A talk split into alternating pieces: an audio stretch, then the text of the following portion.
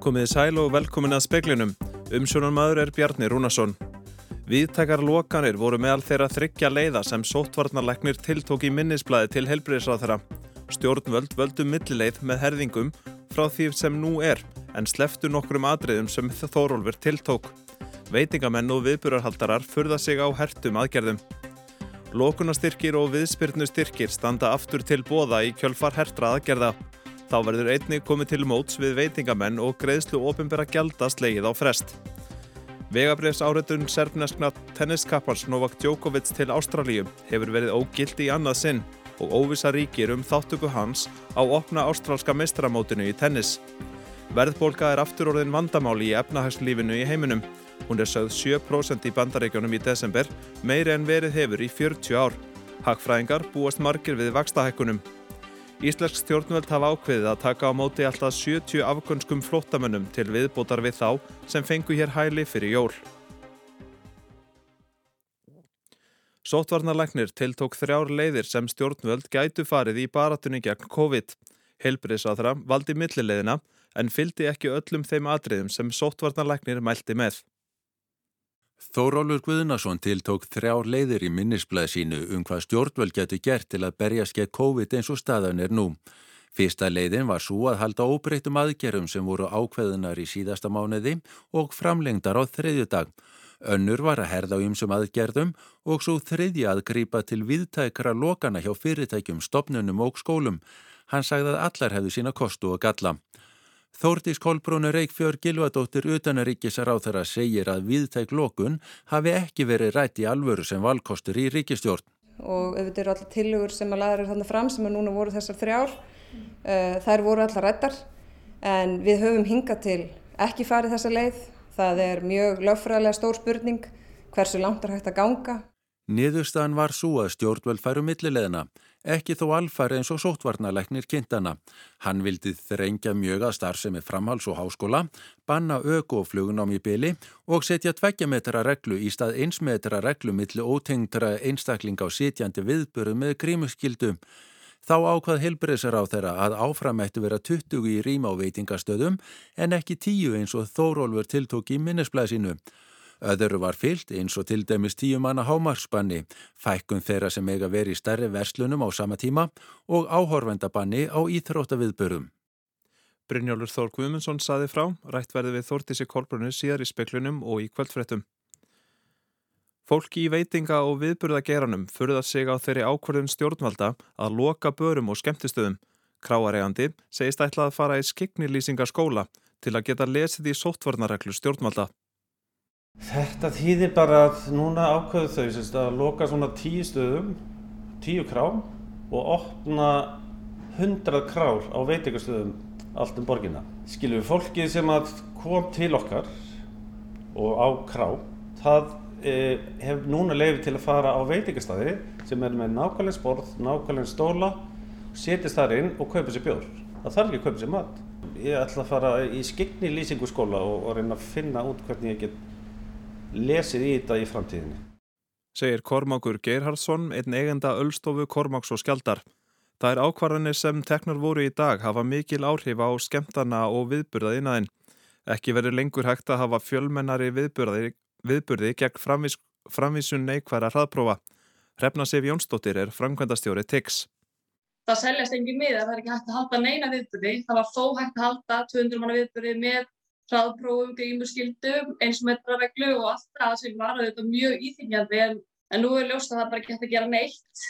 En nú lóksins var að vera að nefna í dag að það er að einhverja aðgjör aftur, kannski viðskipnistyrkur aftur, sem eru auðvitað bara gott. En, en þetta er búið að vera núna í svona tíma og, og það hefur ekkert verið, þannig að það er erfitt líka skipuleika sig. En, en það verðist verið að vera einhverjar, einhverjar efnaðslega aðgjör núna lóksins að sem munu stýðja við þannig að gera. Þannig að við fögnum því auðvitað.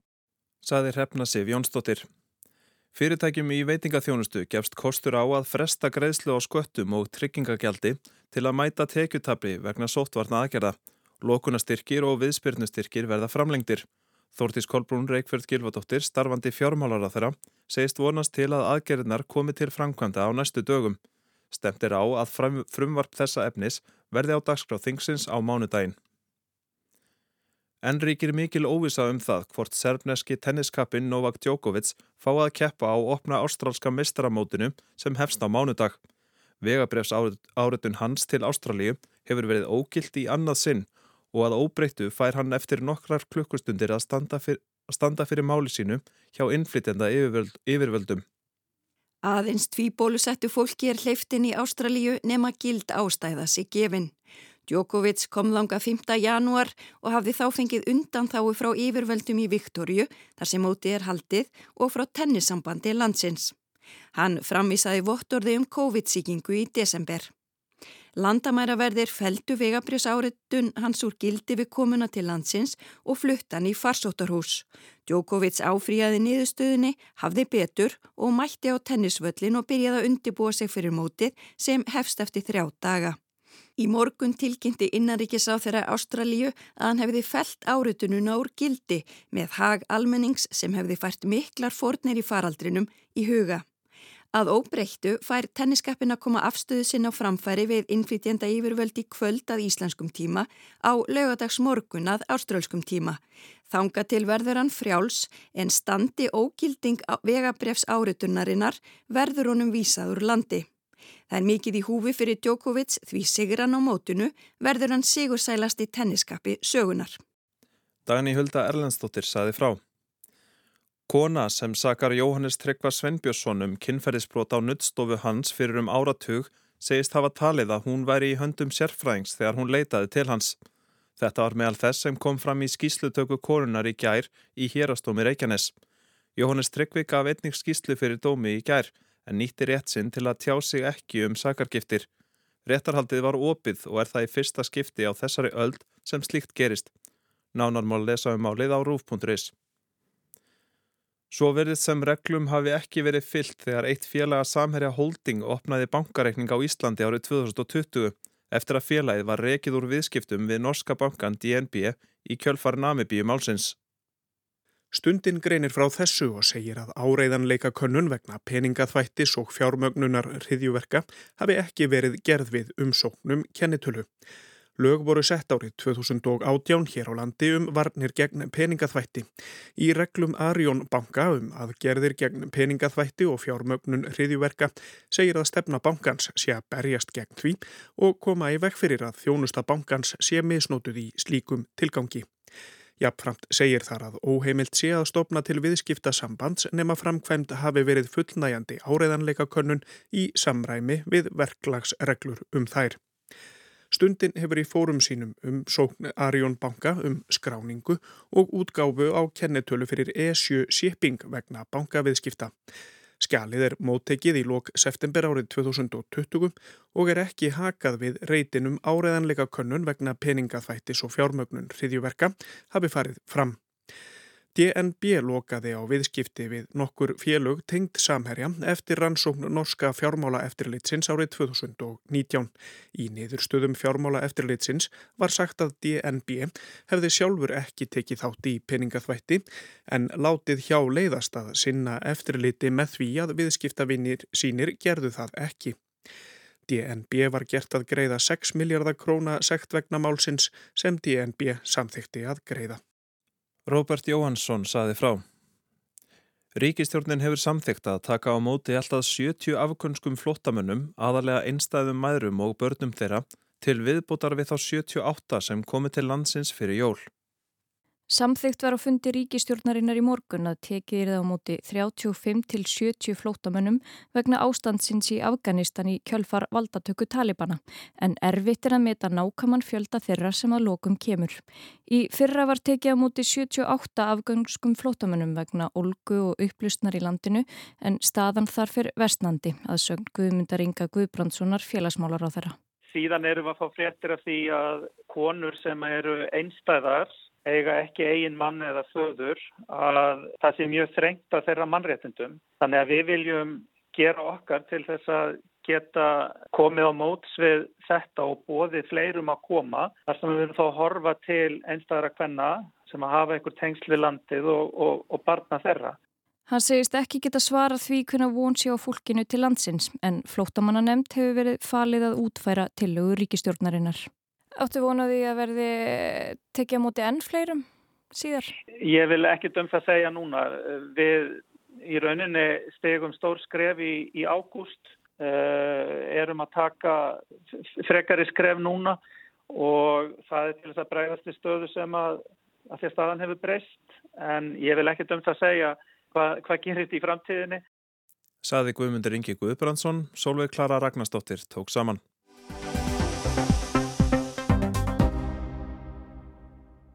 Hertar samkominntakmarkanir taka gildi á miðnætti. Efnahagslegar aðgerðir eru við smíðum samhliða því. Speilin rætti við Þórtísi Kolbrunur Reykjörð Gilvadóttur utaríkisrað þeirra sem gegnir skildum fjármálaráð þeirra þessi dagrin en hann er í tímabundnu fríi frá störfum. Þórtís hefur verið talsmaðið þess að hér séu ekki harðar samfélagslegar aðgerðir við líði. Það eru auðvitað vonbrið að við séum í þessari stöðu að 23 mánuðum liðnum og ég held að sama hvar við erum stödd í þessu öllu saman að þá getur svona, ég held að séum alveg öll samála um það. Það er markmið okkar og skilda að koma samfélagin í eðlert horf og þá er ég að meina eðlert, alveg eðlert horf, alveg eins og bara í raun það var fyrir heimsfaraldur. Þetta snýst orðið í raun alltaf um það sama sem er það að mikilvægasta stofnun í íslensku samfélagi sem er landsbítalinn þarf að ráða við sín verkefni um það eru við öll samála. Ég stend með heilbriðsáþurra sem er að gera það sem hann getur til þess að við komumst aftur í þetta eðla horf en mín persónlega skoðun er að það sé komin tími til og það er ekki bara mín persónlega skoðun, það er það sem ábyrgir aðila sem hafa sérfræðið þekking á þessum sviðum.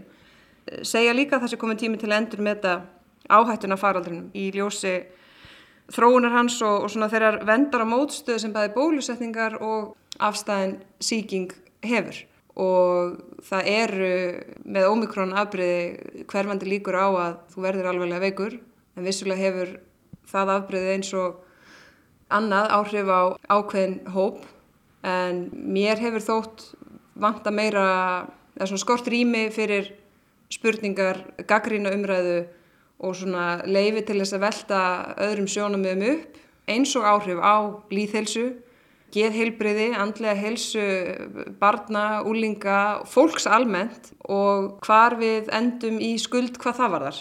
Ég skil vel verkefni heilbriðsáþra sem er erfitt og mikil ábyrg sem því fylgir og þegar hann fær meldingar um að spítalinn ráð ekki við verkefni þá er þetta mikil ábyrg hluti að breyðast við því.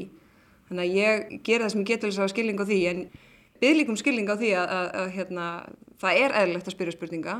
Við erum að klára tvö ár af tímabili þar sem við tókum borgarlega réttindi, ákveðin borgarlega réttindi af fólki, að láni og við ætlum okkur að skila þeim aftur og það er alltaf að spyrja hvernig þessa tími er komin. Sótturnalæknir, hann laði til þrjár leiðir á Ríkistöndunfundi eða í minnisblæði sínu. Akkur ekki að taka skrefið til fulls og ljúka þessu af? Hvers vegna ákvaðið að fara þessa leið? Já, sko ljúka hverju af. Hva? Ná niður smittunum. Já, það að fara leið þrjú held ég að hérna hafa ekki komið til sko alvarlegra skoðunar, var þetta rætt og, og veld upp og allt slíkt. En svo aðgerð, ég meina við höfum aldrei gengið svo langt í tvö ár og að ganga svo langt núna þegar við erum með full bólusetta þjóð og, og, og afbríði sem að fylgja miklu minni veikindi og, og margalt minni líkur á innlögnum það, ég held að það veri líka bara sko lögfræðilega stór spurning hvort við værum þar að gæta jafnbræðis og meðalhófs og, og, og slíkar þáttar sem er hérna hlutverk helburiðsá þeirra að, að tryggja eðlilega. Miða við þróun faraldusins að þá uh, hlusta ég að minnst að kosti mjög eftir því þegar ábyrgir aðlar uh, víða um heim eru að segja að það sé uh, nú sé tíminn til þess að endur meta þessa áhættu og í því samingi spyr maður þá byttu hvaða af hverju ættu við að vera ræða það af alvöru að, að hérna, loka íslensku samfélagi? Það, það er rosalega stórt mál og við höfum ekki einu svona gengið svo langt fram til þessa. Ekki heldur þegar við vorum algjörlega óvarin og veiran var hættulegri og við vissum ekkert hvað var að fara að gerast, þá gerum við það ekki. Nú múið þá eins að efnahags aðgerðunum uh, hvað fælst nákvæmlega í þeim aðgerðum sem þér ætla að koma fram með núna? Það sem við kynntum í dag um, snýrað veitingaðilum uh, frestun á gjaldögum, alltaf tveimur gjaldögum sem dreifast þá á fjóra. Eh, er þá markmið með því að bæta lausafjörstöðu þeirra og koma í veg fyrir að þau þurfa að segja upp sínu starfsfólki. Þetta er ekki styrkir en þetta er ívinnlandi aðgjör fyrir uh, þessa aðila og þetta kostnæður fyrir ríkisjóð, þetta eru vaksta laust og allt slíkt. En svo til viðbótar er það og það er það sem við höfum ekki kynnt, sérstaklega framkvæmdina því er, við verum að klára það uh, yfir helgina og kemur þá, gerir áfyrir í næstu viku uh, og það svona snýr að því að framlengja viðspilnustyrki og framlengja lókunastyrki í ljósi hertra samkvæmtakmarskana og þetta er raun afurð af bara bæði greiningum og, og hérna, skoðun á stöðun í heilsinni og mér finnst mjög mikilvægt að halda þetta til haga að staða hagkerfisins í heilsinni er góð. Veist, það, það er ekki þannig að, að það séu allir í vondu málum en staða hagkerfisins er góð. Staða aðila í veitingarækstur hins vegar er ekki góð. Og þess vegna erum við að reyna að grýpa þá með þessum hætti. Og þau hafa orðið fyrir annars konar tjóni vegna stöðunni hún hefur verið í tölvöld langan tíma og svo þeirra aðgerðar sem við erum að grýpa til núna. Og svo það sem kemur þá í næstu viku verður þá afverð af bara þéttu samtali við aðila í ferðarþjónustu, menningarstarfsemi og undir því tekið þá viðbröðahaldara og það er þessir viðsputustyrkir og lókunastyrkir. Lókunastyrkirnir, sko það er í raun sama aðferðafræði, já, og var hugsuð þá. Það er aðeins, mögulega aðeins önnur útfærsla á viðsputnustyrkjónum en eins og segi þetta er ennþá í vinslu. Betra að úttala sig ekki alveg um það fyrir en að það likur alveg fyrir hvernig það mun líti út. Likur eitthvað fyrir áallega kostnæður við þetta? Já, sko það fylgir með frumarpinu sem að hérna, ég fór með ríkistjórn í morgun fyrir hönd fjármála efnarsáþurra uh, eh, ákveði kostnar mat en það er alltaf aðeins erfitt að, meta umsvinn að því að þetta er valkvæð ákverðun auðvitað, þetta er ekki beitt styrkur þannig að en það er erfitt að meta hversu margir munu nýta sér þetta. Það er gert ráð fyrir ákveðinu fjármunum, miljardi á þessu ári í hérna, stuðnisækirðir, ég held að sé ljóst að umfangi verður meira heldur en það. -hmm. Hvað með aðra að gera? Þetta er svolítið miðað að veitingageranum og ferðarþjónustunni. Mm -hmm. Hvað með aðra að gera sem að koma höllum fæti undan þessari bylgu sem er núna í gangi? Við sjáum sko almennt stendur að, þú veist, ég minna haugkerfið vel og við höfum náð, ég minna bæði enganisla og svona umfangu umsvið í efnagslífinu verið með bara mjög góða móti. Veitingaðalega skera sér þarna úr og svo svona þau sem eru undir þegar kemur að skoðun á, hérna, frekarækjurum sem að vera þá kynntar í næstu viku að þá erum við með þar undir þá svona menningastar sem við byrja að haldara og ferða þjónustuna þá erum við að segja í raun að það er svona eh, andlag þessar aðgerða og það, og það kemur út úr greiningavinnu um það hvernig mismunandi gerast þannig. Þannig að örstuðt síðan að þið kynntu framlengingu á aðgerðum bara á þreyðu daginn var svo núna á förstu degi er hert aftur. Heldur að þetta hafi áhrif á samtakamátt og tiltrú fólks á aðgerðum? Ég þóri ekki alveg að segja til um það en ég held það satt að segja. Vegna þess að við sögum alveg skýrt á þriðdægin að, að hérna, veri verið að fylgjast með stöðunni dag frá degi. Veist, þannig að við, það var alveg svona ákveðinu auðmygt í því að við værim ekki að lofa að allt er óbrytt í þrjárvökur en ég skil alveg fólk sem segir heyrðu, hvað breyttist eiginlega hérna frá þriðu degi til miðugudags ég meina kom eitthvað sérstaklega upp á af hverju var matið eitthvað neðan allt í einu eitthvað allt annað? Ég skil það vel og, og, og það, er, það er spurningar sem ég spyr sjálf og spurði. Hvort sem okkur líka betur að vera eru vel saman í þessu. Hvort sem fólk er komið ógi á þeim frasa eða ekki veist, er, það er bara ekkit um annað að velja. Veist, það, við, þannig er það bara og lengra viðtal við Þórtísi Kolbrunum á finna á vefnum rúf.is.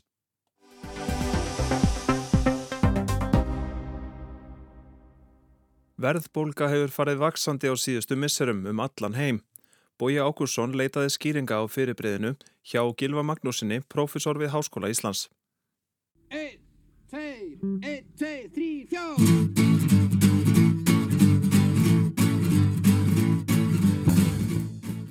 Á síðustu öll þekktu Íslandingar verðbólguna afar vel. Mánuð eftir mánuð, ár eftir ár hækkaði verð. Laun og verðlag stígu trilltan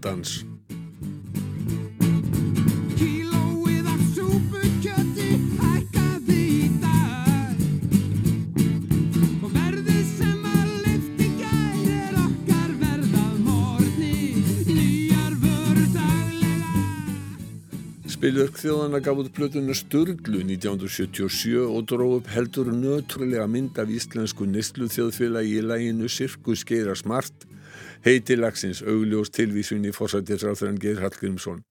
Verbolgan var þá og á næsta áratug viðvarandi vandamál í íslensku efnahagslífi. Á síðust árum hefur verbolga ekki verið stort vandamál í vestrænum ríkjum en nú er komið annað hljóð í strokkin. Tonight, the historic surge in the prices you're paying for just about everything.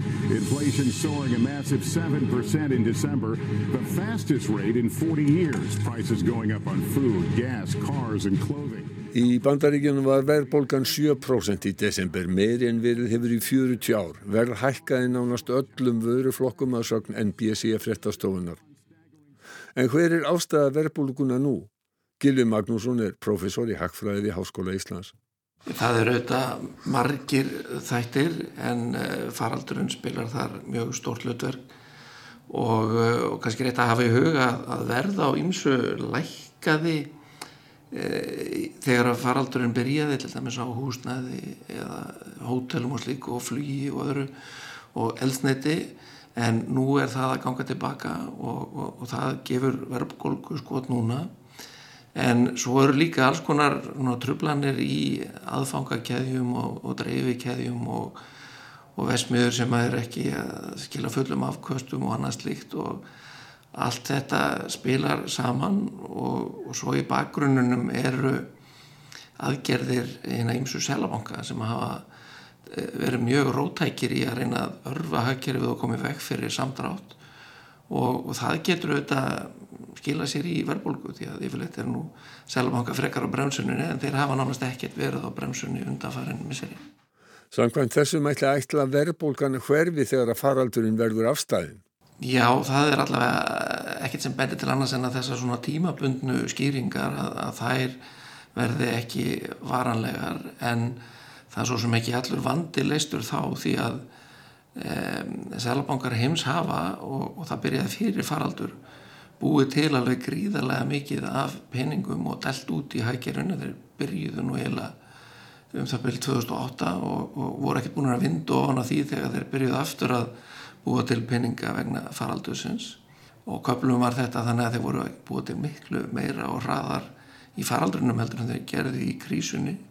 Bandaríski selabankin bjóð til 1000 miljardar dólar á mánuði, nokkra mánuði rauð vorið 2020 eh, og þessi peningar eru allir þarna einhvern veginn eh, utan eh, selabankana og, og það verður meiri hátar áskorun að vinda ofan af því ef að menn þá bara annar borð reyna það. Du har måske allerede opdaget det, at priserne stiger, så du får stadig mindre for pengene, når regninger og indkøb skal betales. Og nu begynder stigningen så også for alvor at ramme det, man kalder dagligvarer, altså mad og den slags, og det kan ses ikke mindst ved kassen i supermarkedet. Þú hefur líklega átt að þegja á því að verðlag hækkar og þú fær minna fyrir penningana þegar að borga á rekninga og innkaup, sagði í fréttum danska ríkisúttasins í vikunni. Verðbolgan fer ekki fram hjá fólki þegar það greiðir fyrir vörur í vestlunum, en hver eru helstu vandamálinn sem fylgja verðbolgun í efnahagslífinu? Gilvi Magnússon. Sko verðbólka og sérstaklega náttúrulega mikil og óstöðu verðbólka e, trublar allt skipulag hækjörðusins og gerir bæði heimilisbókaldið og, og rekstur fyrirtækja floknari og, og trublar ákvarðanir um fjárfestingar og annað stíkt og, og getur raunar líka fært mikið af fjö á milli við, við þekkjum þetta til dæmis á Íslandi frá 8. áratögnum þegar að meira að minna allar það sem kallum peningalega regnir peningar og skuldabrjóð og annað slíkt var þeir eiginlega e, verðlaust og e, þeir sem skulduðu þeir grættu en e, spari fyrir brann upp á móti þannig að, að, að mikilverðbólka hefur einhver slík áhrif og er auðvitað mjög óæskileg og þess vegna reyna flesti selabankar meðal hans á íslenski að halda verðbólku mjög hóflegri til dæmis í 2,5% ári það verist vera mjög þokkarlega ásettanlegt ef það er svona nokkuð stöðu þannig. Þegar verð hækkar frá degi til dagsmætti ætla að slíkt sé hvetjandi til neyslu.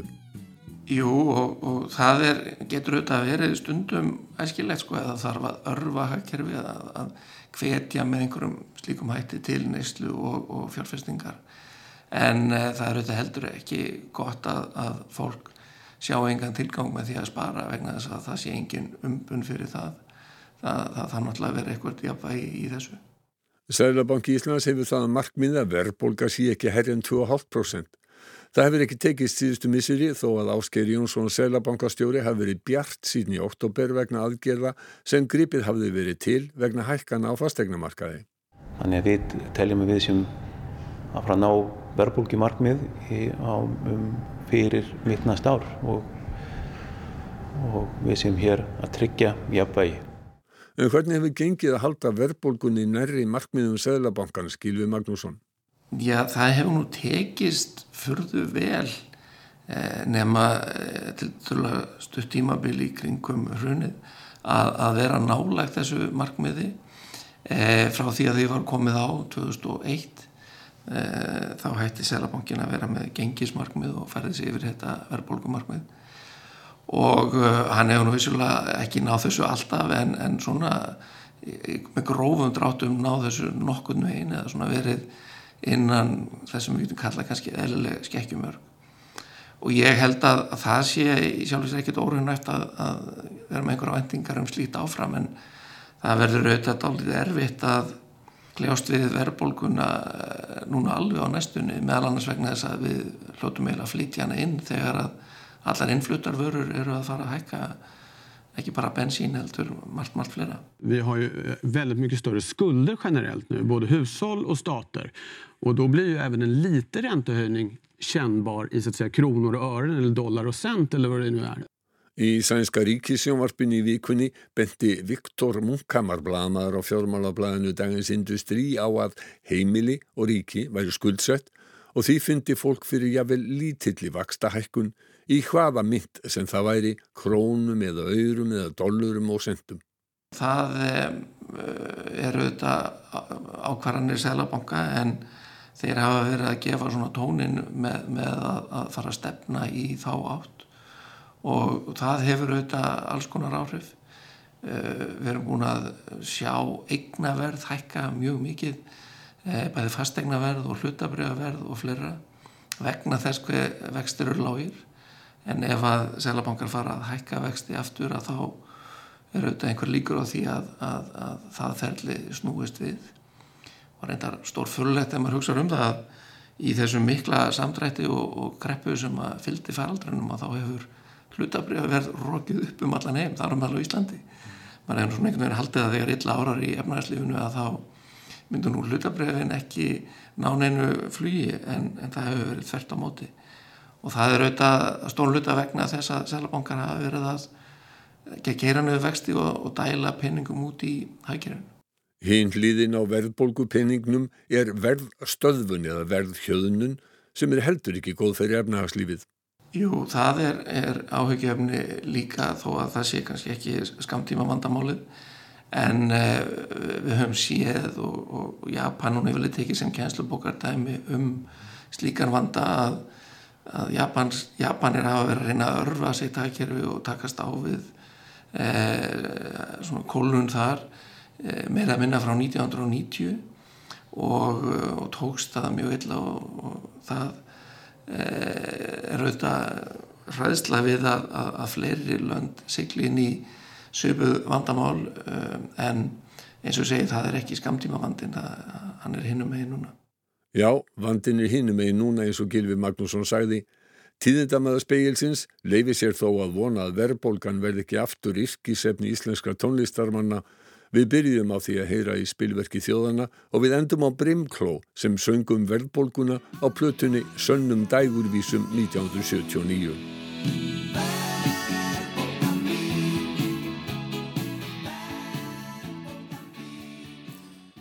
Og það var helst í speklunum í kvöld að viðtakar lokanir voru meðal þeirra þryggja leiða sem sóttvarnarleiknir tiltók í minnisblæði til heilbríðisraðara.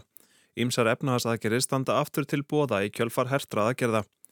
Vegabrefs áriðun tenniskappans Novak Djokovic til Ástralíu hefur verið ógilt í annað sinn.